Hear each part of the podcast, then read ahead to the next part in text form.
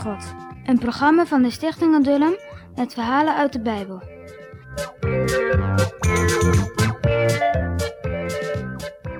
Hallo jongens en meisjes.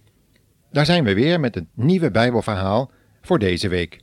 De titel van dit verhaal heet Stenen bakken in Egypte. Luister je weer mee? Lang geleden heeft God tot Abraham gezegd, ik zal je tot een groot volk maken en ik zal je het land Canaan geven. Een groot volk zijn ze nu, maar wat doen ze dan hier in Egypte? Ruim 400 jaar geleden was er een grote hongersnood in Canaan. Moest het volk van God nu doodgaan van de honger? Nee, God zorgt goed voor zijn volk en bracht hen naar Egypte waar nog eten genoeg was. Farao, de Egyptische koning, had hen dit mooie stuk van Egypte gegeven om erin te wonen. Hij was blij dat ze kwamen, want hij hield veel van de onderkoning Jozef. En de Israëlieten waren allemaal familie van hem. Farao had gezegd, welkom in Egypte. Als jullie allemaal zo aardig zijn als Jozef, mogen jullie zo lang blijven als jullie maar willen. Maar dat is lang geleden.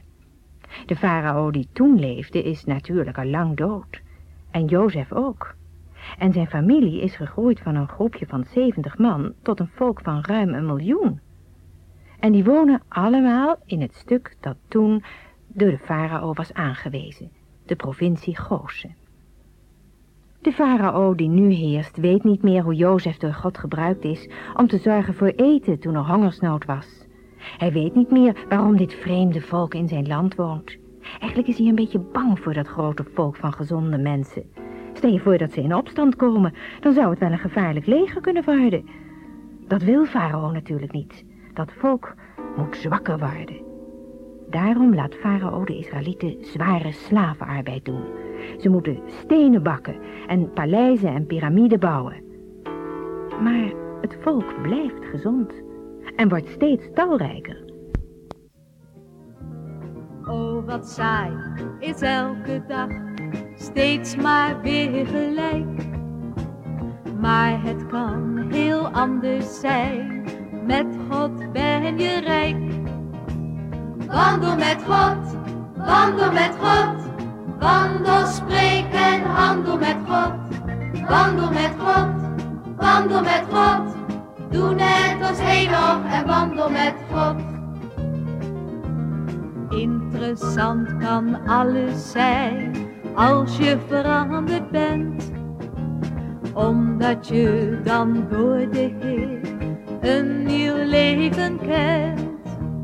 Wandel met God, wandel met God, wandel, spreek en handel met God. Wandel met God, wandel met God, doe net als Henoch en wandel met God. Om de Israëlieten steeds zwakker te laten worden, liet de farao de Israëlieten de stenen bakken. Als de stenen hard en droog waren, moesten zij ze aandragen. De hele dag stenen bakken en stenen dragen in de hete zon. En als ze niet genoeg stenen bakten, werden ze geslagen met de zweep. De Israëlieten waren veeherders en niet gewend aan al dat zware werk. O, wat waren ze s'avonds moe. Maar hoe hard de farao dat volk ook liet werken, het hielp hem allemaal niets. Het werd er alleen maar sterker van. Dat maakte die farao hoe langer hoe bozer.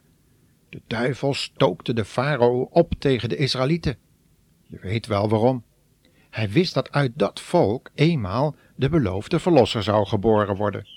Kon hij dat nu maar verhinderen? De farao liet de Israëlieten nog harder werken.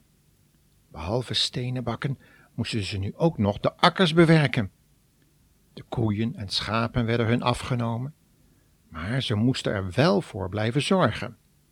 Het was allemaal erg verdrietig. Nu vonden ze het zo prettig niet meer in Egypte, natuurlijk niet. Maar hoe erg het ook was, toch werden ze steeds sterker.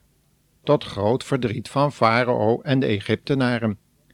Tot woede ook van de duivel. Dat kwam omdat de Heer aan zijn belofte dacht.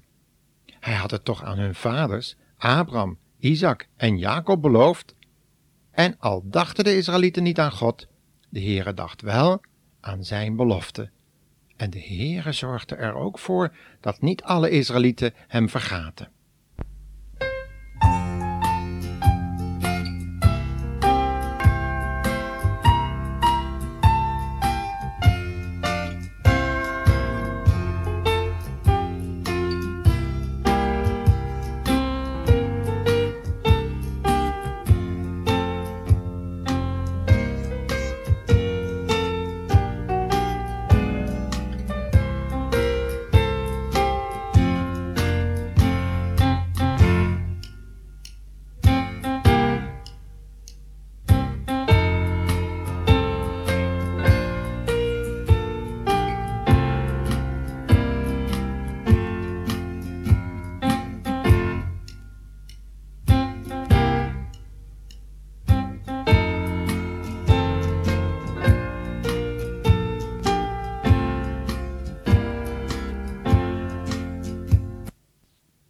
In zijn paleis zag de farao wel dat het kwaad wat hij aan de Israëlieten deed niets hielp.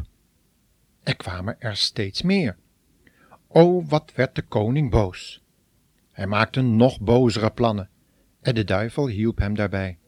Maar gelukkig, de Heere zag het. Hij hoorde het. Zou het gelukken? Nee, nooit. De Heere zou voor zijn volk zorgen. Zijn belofte zou er vervuld worden. En daar zou Farao nu met al zijn helse listen juist aan meewerken. Daar zal hij wel nooit over hebben gedacht, maar toch was het zo. En daarover, jonge luisteraars, zullen we in de volgende uitzending het over hebben. En nu dan de quizvraag. Wat maakte de farao nu zo boos? Dus nog een keer, wat maakte de farao nu zo boos? Tot de volgende keer, hè?